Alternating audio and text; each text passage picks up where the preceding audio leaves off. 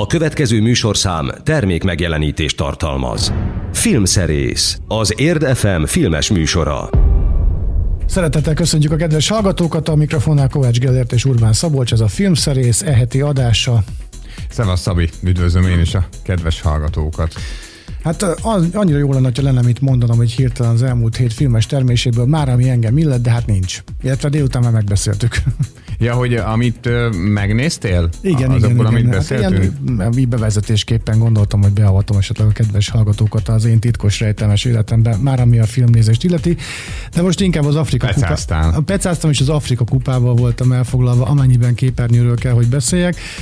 Sajnos véget ért a női világbajnokság, mondjuk meg két hete vagy három hete, és nagyon élveztem. Nem tudom, focit, az neked nem annyira mi? Hát a női világbajnokságot azt egyáltalán nem. A, Ajánlom a férfi. EB-t, meg VB-t, ezt szoktam nézni. Ajánlom figyelmetbe a női VB-t, illetve a női focit, már amikor ilyen nemzetközi bajnokságok, vagy nem tudom azt, hogy hívják, nemzetközi kupák vannak, például világbajnokság, Kérlek szépen sokkal kevesebb a szabálytalanság, ezek visszaadják egymásnak a labdát, tehát nem rúgják el, meg nem fetrengenek a földön órákig, hogy akkor húzzák az időt, teljesen másképp játszanak, úgy, ahogy a hőskorban annak idején. Na, ennyit a fociról Csodálatos. ebben a filmes Bele műsorban. nézni. Jó, rendben, akkor jöjjön szerintem a műsorismertetés. Filmszerész.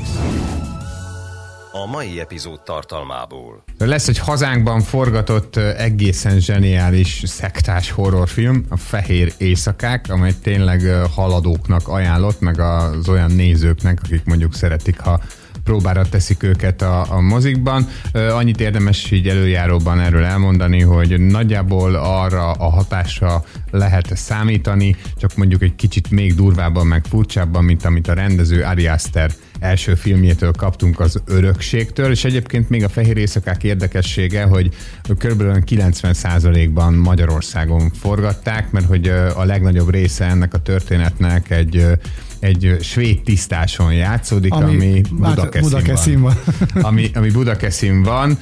Hát tehát, hogy azt nem mondom, hogy nagyon föl lehet benne ismerni hazánkat. Mondjuk van benne egy jelenet, amikor a történet szerint Stockholmban autókáznak a repülőtérről éppen, és bár nagyon ügyesen van vágva az a jelenet, tehát tényleg nagyon kell figyelni, de azért fölismerhető Ó Buda, ö, ott vették föl, de nagyon figyeltek rá, hogy, hogy nem, hogy egy utca nevet nem lehet látni, hanem igazából egy plakátot sem lehet kivenni, de mondjuk egy-két sarok, ahol elhalad az autó, az árulkodó. De ne lőjük, a, le, ne lőjük le a poént. Lesz majd Oroszlán király és fotorealisztikus remake formájában. Nem tudom, ez megint egy olyan film, amit nem kellett volna? E- Ez szerintem az első olyan film a Disney ilyen önrimékek között, ahol ugye hát klasszikus rajzfilmeket készítenek el úgynevezett élőszereplős változatban, ami az oroszlán király nem mondható el, mert bár az volt a koncepció, hogy olyan, minthogyha tényleg élő állatok szerepelnek benne, de hát, hogy egy darab élő állat sincsen benne, hanem mind-mind CGI varázslat, és hogy ez mit tett az oroszlán király meséjével, vagy az eredeti rajzfilmnek a bájával, arról majd beszélünk két megszólalással később, de Luc Besson is visszatért, mint rendező, egy bérgyilkos nős akciófilme, ugye neki már volt sok bérgyilkosos filmje, volt egy híres bérgyilkos nős is, ugye a Nikita, ami az egyik legsikerültebb ö, mozia. Ennek a filmnek pedig most nagy meglepetésre, mert hogy Luc Besson egyébként most jöttem rá, hogy vonzódik a, nem csak a, a szép nőkhöz, mint főszereplőkhöz, hanem, hanem úgy egyébként az olyan filmekhez is, ahol a szép nőknek a neve a cím. Ugye Nikita, Jeanne d'Arc, ugye most meg Anna, Lucy, Ugye volt egy, volt egy olyan filmje Az is is. Luc Besson. Igen, azt is Luc Besson De az a mostani Lucy, ami most volt a... A Scarlett Johansson. Nem, az a Luc Besson film. Tök igen, volt az igen, film, egy igen. darabig. Azt én is nagyon szerettem egyébként. Aztán lesz egy, mivel ugye 50. évfordulója van hát, annak, hogy az Armstrongék elindultak a Épp Holdra. most tartanak oda, egyébként 50 Igen. évvel ezelőtt, mert két nappal ezelőtt lőtték ki őket, úgyhogy pont a közepén vagyunk a projektnek. Igen, szóval készült egy nagyon érdekes dokumentumfilm az ő utazásukról, amelyben egyetlen darab beszélő fej sincsen. Igazából a, a rendelkezésre álló és fantasztikus csillivilli állapotba felújított archív felvételekből raktak össze egy nagyon pontos krónikát, onnantól, hogy elindulnak, egészen odáig, hogy megérkeznek a, a Holdról az űrhajósok. Ennek a filmnek nem meglepő módon az a cím, hogy Apollo 11. Őrület. Igen, és a, a Sundance Fesztiválon mutatták be, hozzánk nem jutott el a film, de lesz belőle egyetlen egy vetítés Budapesten, és arra gondoltam, hogy e kapcsán beszéljünk erről a filmről, mert tényleg nagyon érdekes és nagyon jó. Megnéztem ugye az Első Ember című filmet, meg egy csomó mindent ezzel az egész Apollo 11 kapcsolatban annak idején, és hát ugye felfel ötölnek ezek a plegykák vagy hangok, hogy nem is volt holdraszállás, és nemrégiben beszélgettem itt a rádióban dr. Pacher Tibor Ral, aki a Pulispace projektnek a vezetője, akik ugye gyártanak mindenféle dolgokat, uh-huh. ami a Holdra megy majd és nem mertem tőle megkérdezni, hogy tényleg voltunk a Holdon. Hát azokkal a papundekli vödrökkel, amikkel ö, felrepkedtek, hát ugye az első emberben is, hát én, én a Földön nem szálltam volna bele abba a holdkomba. Hát ők felszálltak. Hát igen. De egyébként, hogyha a dokumentumfilmet megnézed, akkor két dolog jut eszedbe, hogy, hogy ilyen profin megcsinálni egy hamis holdra szállást, mint ahogy megcsinálták a dokumentumfilm felvételei szerint is, szerintem sokkal macorás, macorásabb, mint valójában bejutni a holdra, úgyhogy hát, én inkább arra tippelnék, hogy Nem vo- biztos, hogy fel ott. tudtak jutni a holdra, és azért kénytelenek voltak kamuzni. Hát de szerintem voltak ott, szóval ja, ha más jó. nem, akkor ez a film a bizonyíték, aztán lesz egy klasszikus tévésorozat, ami gyönyörű szépen felújítva, most került, hát nem is tudom, hogy most jutott el a, a nem is tudom, hogy hányadik DVD kiadásához, de az biztos, hogy ilyen állapotban még nem adták ki ennyire szépen. Ez a Kemény Kalap és Krumplior, ugye Csukás István mesébe készült klasszikus széria. Benne van Lópici Gáspár is például az utca hírmondó, az utca hírmondója. hírmondója, akit egyszer láttam a, a buszon, még a 80-as évek legelején, még kölyök voltam, és nagymamámnak meséltem, hogy képzeld, de láttam Lópici Gáspárt, azt az embert, aki játsza, fogalmam sincs, hogy, hogy hívják, nyilván kéne tudnom, hiszen mostában sajnos szerepelt a hírekben a méltatlan életkörülményei miatt, és mondta, hogy hát egy színész nem utazik buszon, mondta a nagymamám, de mondom, hát ez csak a Lópici Gáspár, ne hülyeskedjünk már. Na de kemény kalap és krumplihor akkor ismét meg lehet tekinteni felújított változatban. Majd a műsor végén beszámolunk erről is, és az oroszlán királlyal fogjuk a zenéket megtölteni, zenei részeket megtölteni ebben a mai adásban. Igen, ugyanazt csináljuk egyébként, mint néhány hete az Aladdin című filmmel, hogy magyarul azokat a, magy- magyarul és angolul fogunk dolgokat hallgatni az oroszlán királyból. Az eredeti 1994-es rajzfilmből magyarul fogjuk a dalokat hallgatni, és az új változatból pedig angolul, és hát a magyar verzióval indulunk 1994-ből a, a rajzfilmnek a legendás nyitódala következik Szulák Andrea előadásában, az élet az úr. Sí.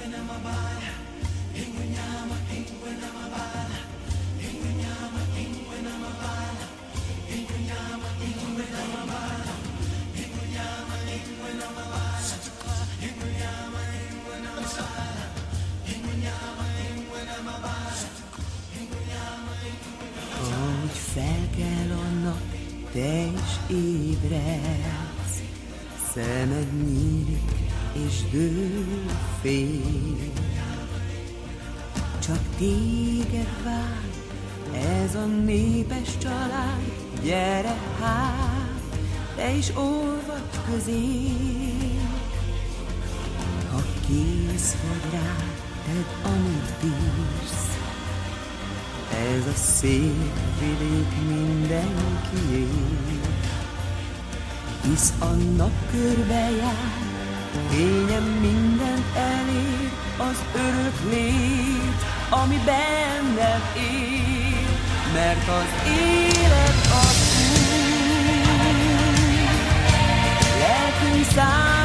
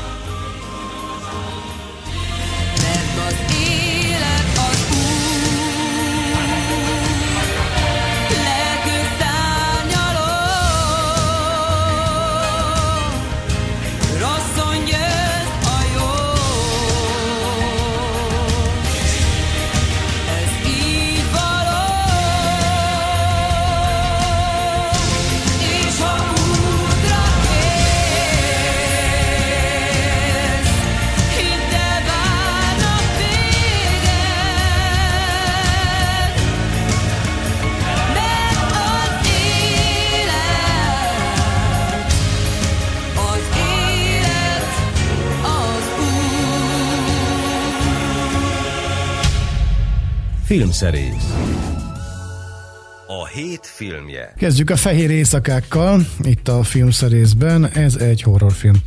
Így van, hát igazából egy olyan horrorfilm, Ari Aster rendezése egyébként, ami legalább annyira horror, mint amennyire mondjuk az örökség volt nem olyan régen, ami hát meglehetősen nagy szenzációja volt az évnek, és hát nagyon-nagyon megosztotta a közönséget, ugye az egyik fele rajongott érte, a, a rettenetesen furcsa hangulatáért, meg a zavarba ejtő végkifejletéért leginkább. A, a másik fele meg ugyanezeken a dolgokon mondjuk hangosan nevetett, mert ők inkább az Annabel féle horror vonalhoz, az ilyen klasszikusabb, nyílcsisakos horror vonalhoz ö, voltak hozzászokva. Ez az Ari Aster egyébként, én most már egyre inkább azt gondolom, látva a fehér éjszakákat, hogy hogy, hogy kicsit olyan, mintha ő lenne a horrorfilm Woody ellenje hogy itt igazából maga a műfaj, vagy maga a zsáner, az, hogy egy horrorfilmről beszélünk, az alibi. Az arra alibi, ugyanúgy az örökségben, itt a fehér éjszakákban is, hogy a, a saját magánéleti traumáit beszélje ki, vagy olyan teljesen hétköznapi pszichológiai dolgokról ö, ö, meséljen horrorköntösbe ö, bújtatva, mint az örökségnél a gyász, vagy, vagy az, hogy, hogy miért kell meggyászolnunk mondjuk olyan embert, akit nem is feltétlenül ö, szeretnénk, vagy nem feltétlenül érdemli meg, és hogyan csaphat ez vissza egy horror történetben. Itt meg tulajdonképpen egy ilyen nagyon érdekes, direkt, de ugyanakkor szimbolikus ö, ö, hát szakítás, párkapcsolati szakításról szól ez a, ez a történet. Meglehetősen egyszerű az alaphelyzet. Ö, annyi, hogy van egy fiatal pár, ahol a ahol a lány, hát már eléggé az agyára megy a, a, a, a srácnak, igazából a fiú már 40-szer dobni akarta, és a haverjai is mondják neki mindig, hogy ne foglalkozz már ezzel a csajjal, mert nem tudom, még nem tesz jót neked ez a dolog, és így tovább, és így tovább. És a lánynak hát azért elég komoly családi problémái vannak, és úgy támaszkodna a srácra. A srác meg én udvarias, vagy nem is tudom, nevezzük gyávának, nem meri neki megmondani, hogy, hogy hát igazából ő már nem szereti. És rögtön a film elején történik egy családi tragédia, egy egészen borzasztó családi tragédia, fölfoghatatlan történet, aminek következtében a srác még inkább nem meri megmondani a barátnőjének, hogy akkor vége van, mert hát egy, ugye a világ előtt is hogy néz neki, hogyha ő most dobná egy ilyen ügy után a barátnőjét, hanem hogy úgy alakul a történet, hogy ő éppen megy a barátaival Svédországban egy olyan nagyon furcsa hippi közösségbe, akik, akik éppen egy nagyon fontos ünnepséget tartanak, egy, egy mulatságot, egy ilyen szertartásos néhány hetet tartanak, és hogy az egyik srác a, a baráti társaságból, ő az egyetemen az ilyen és ehhez hasonló úgynevezett népszokásokból írja a diplomamunkáját és, és hát ők mennek oda bulizni, meg nyilván csajozni is akarnak, meg hogy nagyon érdekes ez az egész, és így valahogy úgy alakul, hogy a csaj tulajdonképpen rájuk tukmálja magát, és ő is elmegy Svédországba. És a, hát a film lényegi része az igazából akkor kezdődik nyilván, amikor megérkeznek. Az egyik barátjuk viszi oda őket, aki ennek a közösségnek a tagja volt egészen addig, amíg nem ment el Amerikába egyetemre. Tehát ő ígéri meg nekik, hogy megmutat majd mindent, meg beavatja őket. Nagyon mosolygós, nagyon kedves, virágba öltöztetett csodálatos emberek fogadják őket. Az egész filmben gyakorlatilag nincsen éjszaka, mert hogy ugye éppen az az időszak van, amikor csak nagyon rövid ideig van sötét, és formailag azért is zavarba ejtő a film, mert mert nem csak az van, hogy, hogy a horrort az Ari Aster megfosztja a, a, az egyik alapelemétől, a sötétségtől, és az egészet hát ragyogó napsütésben prezentálja, hanem hogy ezek az emberek, ezek még akkor is mosolygósak, és azt kell mondjam, hogy legőszintébben zseniálisan castingoltan, kedvesek és bizalomgerjesztőek, amikor már tényleg elkezdenek egészen bestiális dolgokat csinálni, és, és hát egyébként spoilerezni nem nagyon lehet a film, mert mert pont az történik benne, amit így az elejétől várunk, hanem az adja a feszültségét, hogy, hogy egyrészt ott tudjuk magunkat érezni köztük, egy ilyen nagyon furcsa helyzetben, nagyon szorongató az érzés, másrészt meg fokozatosan, szépen, óvatosan egyszer csak ez az egész sztori átváltozik a lánynak a személyes bosszújává a, a, a pasi felé. És, és hát neki valahogy biztonságot kezd adni ez a közösség, vagy ez, ez, a, ez a szekta. De, de ez nem egy klasszikus nem tudom én, olyan történet, amiben a főszereplőt is behálózza a szekta, hanem pont attól lesz nagyon érdekes, hogy, hogy fölteszi azt a kérdést, hogy, hogy miért lehet biztonságos valakinek egy ilyen észveszejtő közeg. Hogy miért nyugodhat meg egy ilyen észveszejtő közegben, és az Ari Aster azt meri állítani, ő nem azt mondja, hogy ez a jó vagy az a jó, hanem ő azt meri állítani, hogy egyszerűen annyira bonyolult a modern társadalomban, akár egy párkapcsolatban is élni, hogy amikor szakítani akarsz valakivel, vagy véget ér valami, akkor olyan sok dologra kell figyelned, hogy az rettenetesen megbonyolítja. A, a, a társadalmi bekötések, az érzelmi bekötések, mindent. Mindenre kell figyelni. De ezekben a letisztult pogány ügyekben az úgy van, hogyha valakivel szakítani akarsz, akkor azt megmérgezed.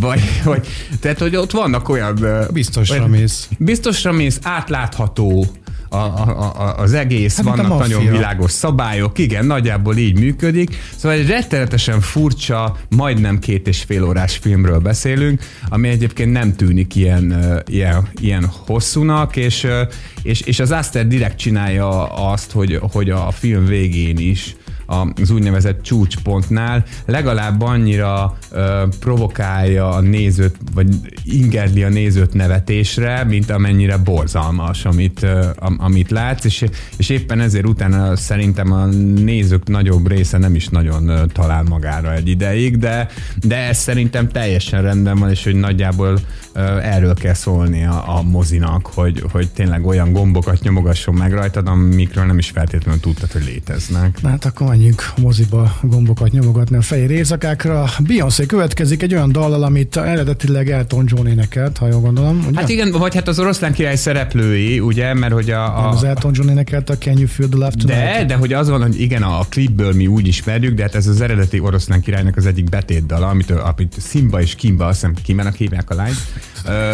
ők éneklik a rajzfilmben, ö, és hát itt az oroszlán lányt Beyoncé alakítja, és ezért is, mint ahogy majd hallják a felvételen kedves hallgatók, és nem csak ő énekel, de a, a, a tracklistán az övé a kredit, Szóval, hogy hozzá, hozzá kötődik, de hogy ő az eredeti angol hangja ennek az oroszlánnak.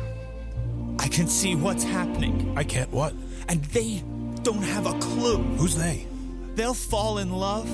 And here's the bottom line our trio's down to two. Oh, I get it. The sweet caress of twilight. Yeah, There's magic everywhere. it's everywhere. And with all this romantic atmosphere, disasters in the air. Can you feel the love tonight? Peace the evening brings. The world for once in perfect harmony with all its living things. So many things to tell her, but how to make her see the truth about my past? Impossible. She turned away from me. He's holding back, he's hiding. But what I can't decide. Why won't he be the king I know he is? The king I see inside. Can you feel the love tonight? The peace the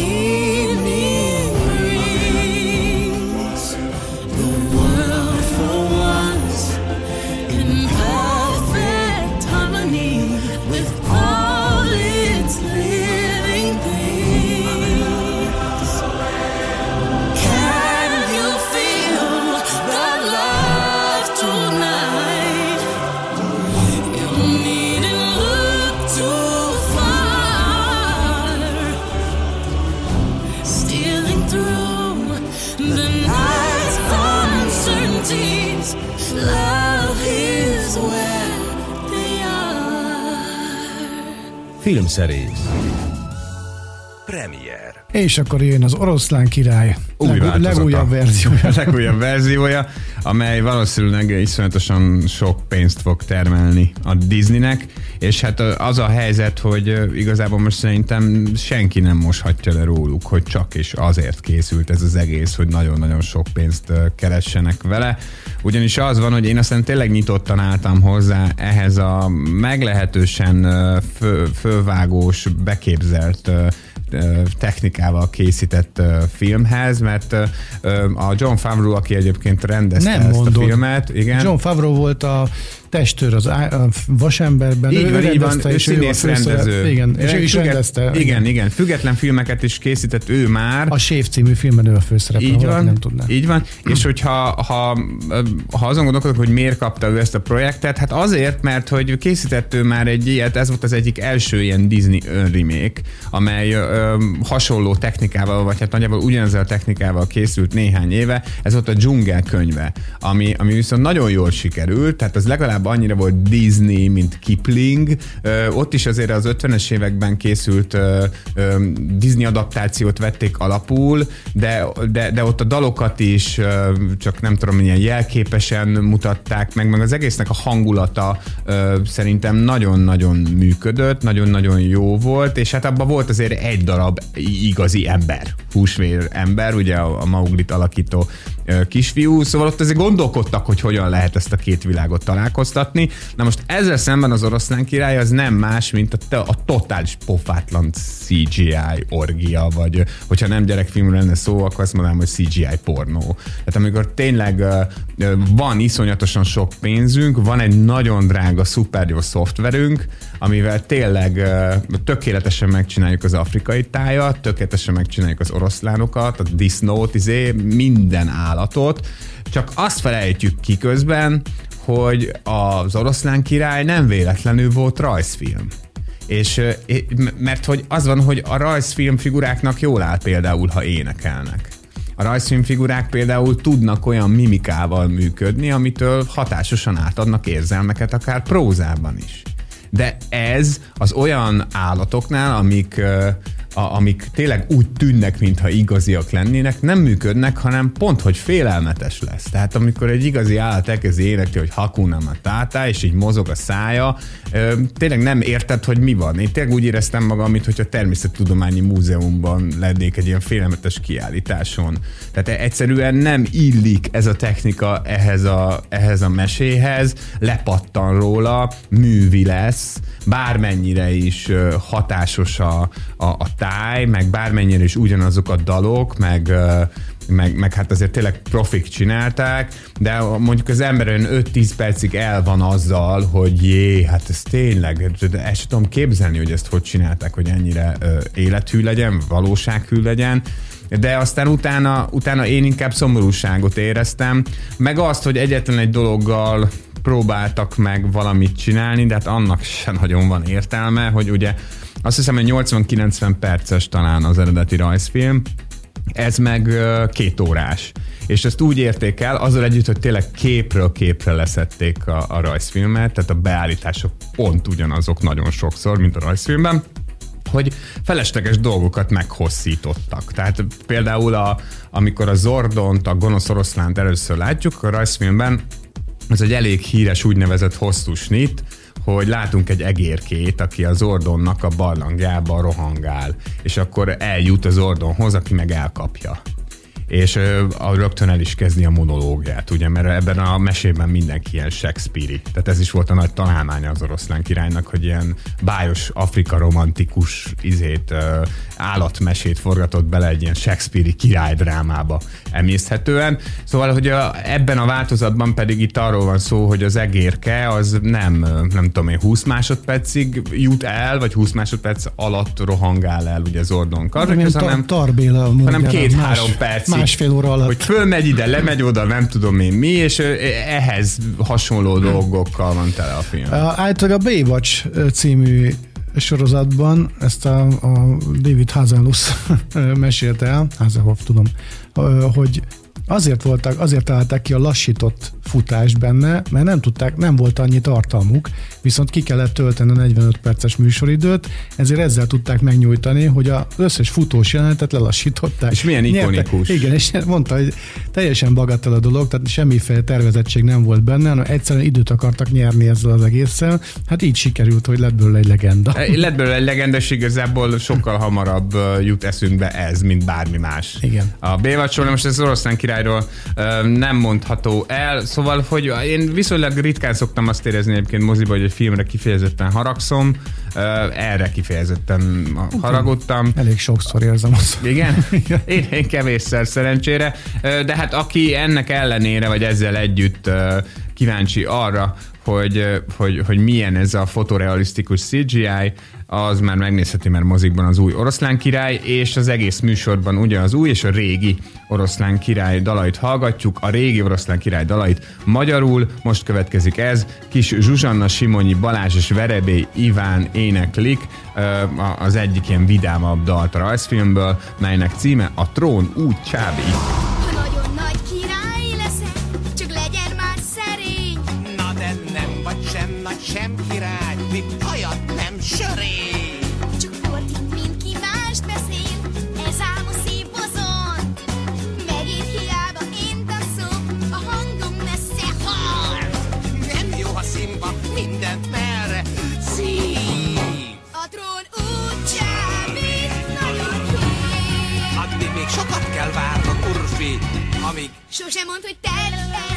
Ezt, ha azt mondom, hogy sosem ú,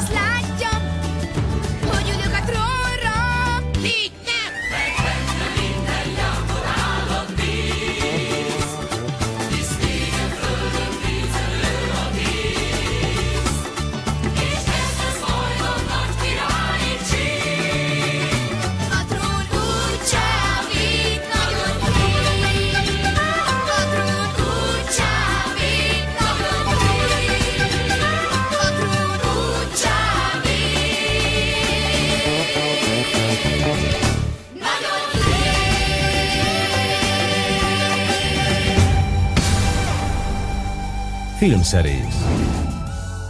Premier. Annácska következik Luc Besson rendezésében. Luc Besson rendezgeti Annácskát.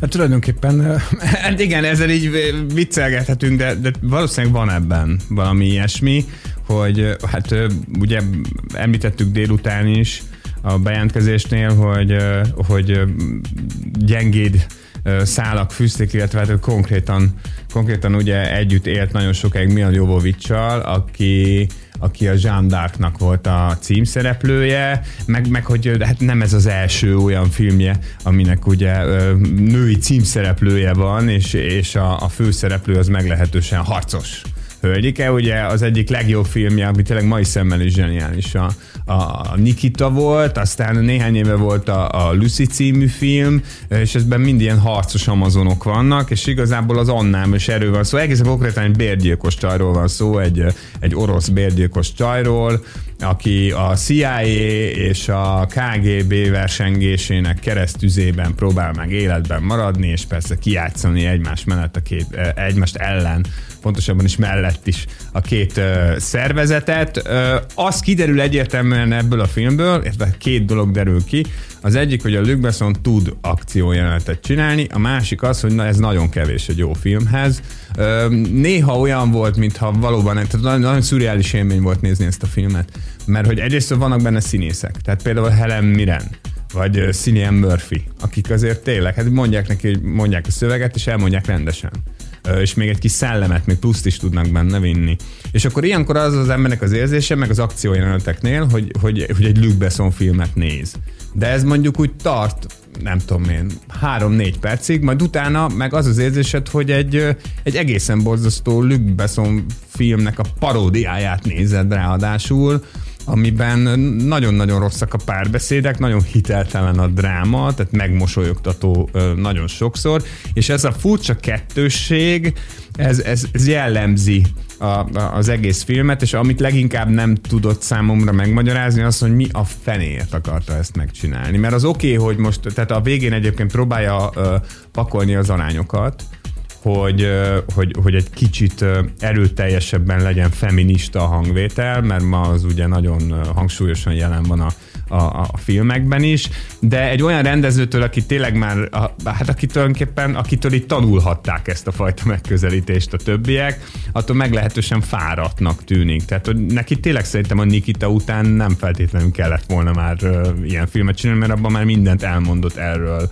amit, uh, amit el lehet, és, uh, és hát tényleg az van, hogy ha mondjuk nem tudtam volna, hogy a Luc Besson rendezte ezt a filmet, akkor eszembe se jutott volna, hogy ő csinálta. Szerintem ez az egyik legszomorúbb, nem csinálják, mondani. ne, nem csinálnak olyat, mint a, általában a Stephen King adja ki franchise-ba a könyvek, könyveinek a megírását. Hát, hogy az ő kreditje, de megrendezteti mással, mert éppen síjel, vagy Hát Más azt nem do- tudom, ez azért csak legenda a Stephen king kapcsolatban, de hogy ö, hát egyébként is a profi filmeknek a forgatása az nagyon sokszor úgy történik, hogy, Ott sincs a rendező. hogy, hogy a nem annyira fontos jeleneteknél megcsinálják mások, és tudják, hogy mit szeret a főnök. Uh-huh. De, de ez egyébként szerintem így rendben is van, hogyha van egy nagyon erős rendezői kontroll.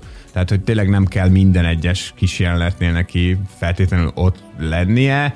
ö, majd De, vágásban megcsináljuk. igen, de ennél a filmnél azért úgy tűnik, hogy mintha kellett érni egy kicsit ke- kevesebb szeretette volna tiszteletét Luke Besson a forgatáson. Anna című film a mozikban, Luc Besson rendezésében el lehet menni megnézni, aztán véleményt alkotni. Most jön Hans Zimmer kompozíciója, a Remember, ez melyik, ez új filmben van benne, ugye? Nem, ez a régiben is benne van, mert ugye úgy nézett ki az eredeti filmzene, mint ahogy ez is úgy néz ki, hogy ugye a, a, a dalokat, a dalok javarészét ugye Elton John írta és Hans Zimmer, a score-t, tehát a, a nagy zenekari instrumentális igen, dolgokat, azokat pedig Hans Zimmer írta, és ez az egyik leghíresebb tétel, amelynek ugye, ha legfordítjuk a címét, akkor azt jelenti, hogy emlékezz.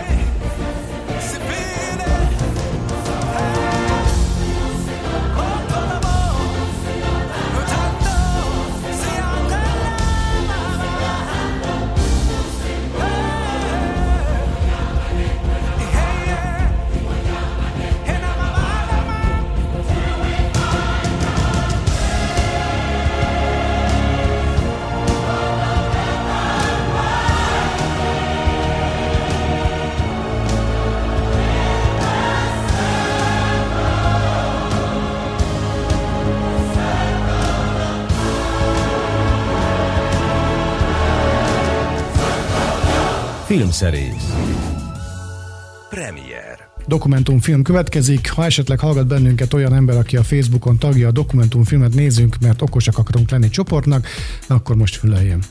Igen, és meg is lehet nézni Vászon az Apollo 11 című dokumentumfilmet. A Budapesti Uránia moziban lesz egy vetítés belőle a napokban, rá lehet keresni. A neten még biztos, hogy vannak jegyek, és ez azért is különleges, mert én ugyan nem moziban láttam, de közben egy csomószor eszembe jutott az, hogy uh, fú, de jó lett volna ezt moziban megnézni. Az a háttértörténete ennek a dokumentumfilmnek, hogy ugye mindig voltak mindig voltak azért felvételek, színes felvételek magáról, a, a Hold expedícióról, az előkészítésekről, hogy mi történt Houstonban, mi történt ugye a, a, az űrhajón, mi történt a Holdon, ugye ebből volt tévéközvetítés is annó, nyilván akkor még fekete-fehérben, de hogy ezek, e, e, e, tehát nagyon jól dokumentált hőstet volt ez a, a Holdra szállás, de igazából még az összes felvételt, vagy a felvételeknek a legnagyobb részét, azt, azt még soha nem szerkesztették össze egy filmben. És ez egy egész estés nagy, széles vászon a szánt, csodálatosan felújít alakított film, amiben tényleg lineárisan láthatjuk azt, hogy, hogy, hogy az indulás előtti néhány órától a megérkezés utáni néhány napig mi történt Armstronggal és az expedíció többi tagjával. Nem akasztja meg a, a, az egészet felesleges narráció, igazából mindent el tudnak mesélni a képek, meg azok a dialógusok, amiket eredetileg fölvettek, ha Houstonban beszélgetnek egymással, vagy akár az űrhajósok beszélgetnek ugye a központtal, annyi van csak, hogy, hogy időnként megjelennek feliratok, hogy még hány óra van a kilövésig, a visszaszámlálásig, hány óra van eddig, hány óra van addig, meg persze tévéstúdiós felvételeket is bejátszanak, tehát tényleg olyan az egész, mint hogyha egy ilyen érintetlen 90 perces krónikáját látnánk ennek a, ennek a történetnek, és fantasztikusan néz ki. Tehát gyönyörűek a színek benne, ö, ö, tényleg az, azt gondolom, hogy valószínűleg a, a Damien Chazelle is, amikor az első ember csinálta, vagy akár, akár a, a Ron Howard, aki ugye meg az Apollo 13-at csinálta, tehát valószínűleg, meg erről lehetett is azért hallani ezt azt, hogy ezek ez a felvételekhez azért ők nyúltak rendesen, már mint hogy ihletért, mert hogy például az első embernek jó néhány beállítása köszön vissza ezeken, ezeken a felvételeken, meg hát látszik, hogy, hogy, hogy, hogy az a, az eszközpark, ami, ami akkor a názának volt, az, az, az valóban nagyon hiteles volt az első emberben. Nos, aki szeretné méltó módon megünnepelni az 50. évfordulóját annak, hogy ember lépett a holdra, először ember lépett a holdra, látogasson az Uránia moziban, nézze meg a neten, hogy mikor lehet részt venni az Apollo 11 című dokumentumfilm vetítésen, egyetlen egyszer vetítik le az Urániában. Most pedig a Hakuna Matata című felvételen megyünk tovább, hiszen az Oroszlán Király című film zenéjéből idézünk a mai műsorban. Simogyi Balázs, Túl András és Vince Gábor Péter előadásában halljuk ezt a dalt. Hakuna Matata. Milyen gyönyörű szó. Hakuna Matata. Nem ráz mégis jó. Csak annyit jelent, szép az élet itt lent. Tiszta élvezet, a bölcselet. Hakuna Matata.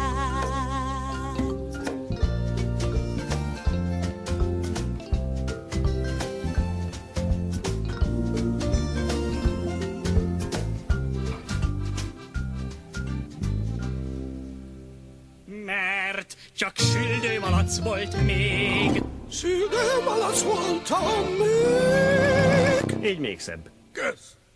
Ő kicsi kora óta büdös, mint a görét, a szagától le mind a kiét. Csak a lelkem a szép, de a testem rút. Ez a tény, kiszagol a barács elhúz. Milyen csapás! Ne tudja A már! nevem is gyaláz! Gyász vagy Teljesen gyász! ki voltam! Hogy szakad vele! Ne a gyerek előtt. Ó, bocsi! Hakuna Matata, milyen gyönyörű szó! Hakuna Matata, nem ráz mégis jó!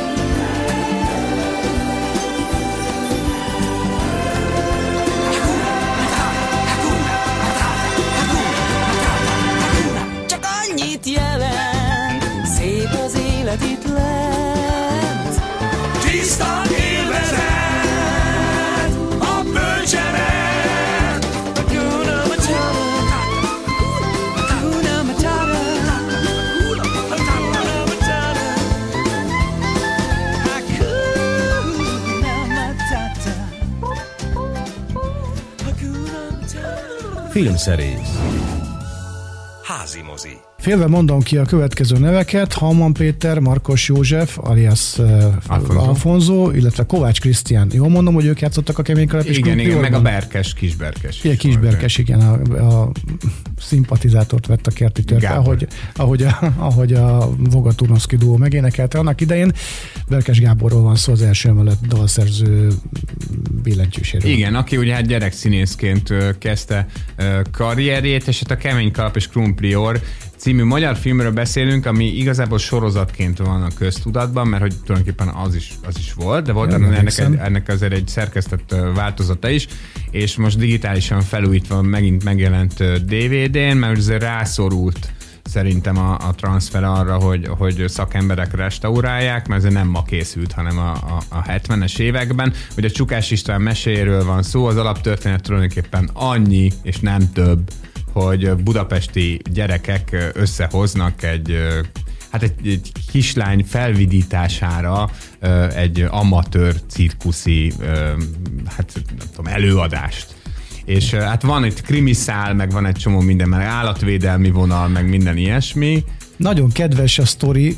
Én ugye nyilván, nem nyilván, de én ezt ugye filmen élveztem végig gyerekkoromban, illetve sorozat formájában, és hogy ö, annyira az jut eszembe, hogy de jó volt gyereknek lenni, tehát tényleg olyan, olyan volt, hogy vidáman futkostuk, csináltuk a dolgunkat, meg szervezkedtünk, és ugye el voltunk egész nyáron egy darab kulcsal a nyakunkban, és Hát igen, tulajdonképpen igen, ez is visszaköszön, tehát hogy ö, ez, ez mondjuk a fő vonulata, am- amivel mondjuk besimul a, a 70-es, 80-as évek, a korai 80-as évek és a késői 70-es évek magyar TV gyerekfilmjei közé, a Kemény Kalap és Krumpir, amitől viszont több szerintem, vagy amitől, amitől mondjuk maradandóbb. Az az, hogy nekem nagyon sokszor jutott eszembe, hogy ez egy kicsit olyan a gyerekfilmek között, mint mondjuk a magyar filmek között a tanú hogy, hogy rengeteg aranyköpés van benne, ami, ami, ami aztán átforgott a, a közduta, köztudatba, és nagyon-nagyon erős, már már ilyen burleszk-szerű egyébként a humora, de, de nem lesz ettől nevetséges. De ha csak azt mondjuk, hogy a bagaméri, bagaméri, a fagylatját magaméri, Igen, hát tulajdonképpen a burlesz szót emlegetted, én néha így vártam, hogy felgyorsuljon a... a Azt talán van is benne Igen, hogy ember, emberek, ahogy mennek, így felgyorsuljon az egész. Igen, hát meg ugye, ahogy említettük a, a, a, a másik nagy közkedvelt karaktert, bár ő ugye azért epizód szereplő, inkább ugye a, a, az A- utca hírmondója. Ja, a Lópici Gáspár, A Lópici, Lópici Gáspár. Mindjárt mondom a nevét, ne haragudjanak a kedves hallgatók. Valamilyen Istvánnak, Istvánnak hívják, igen, igen. A, a, a színészt. Ö, szóval bűbájos az egész, nagyon jól van megszerkesztve, ö, nagyon jól van megrendezve ez, ez a film. Szilágyi István. És arra, arra már, igen, Szilágyi István, köszi. Szóval, hogy arra már nem feltétlenül, ö, mm, hát nem tudom, merek ö, rakni nagyobb összeget, hogy, hogy az összes mai gyerek ugyanúgy tud ezért rajongani, de, de azt gondolom, hogy ha mondjuk van egy nyitottság, meg mondjuk a szülők elmesélik otthon, hogy mi ezt néztük, nekünk ez nagyon fontos volt, akkor tud működni a, a mese. Nyilvánvalóan máshogyan, mint ahogy a mai történetek. Hát a kedves szülők ne várják meg a gyereknél a kamaszkort azzal, hogy ezt Igen, megnézzék, mert igen. akkor nem fog sikerülni. Igen, de addig azért a gyerekek nyitottabbak mondjuk ilyen 5-6 éves korukig, Igen. és akkor ezt meg lehet nekik mutatni, mert kockázatmentes darab. Köszönjük a mai figyelmet, hiszen véget ért a filmszerész. Már a jövő héten ismét jövünk, majd Kovács Gellértet és Urbán Szabolcsot hallották. A Kovács Gellért mindjárt elmondja, hogy mivel fogjuk befejezni zeneileg ezt a mai adást. Én azt mondom, hogy vigyázzanak magukra.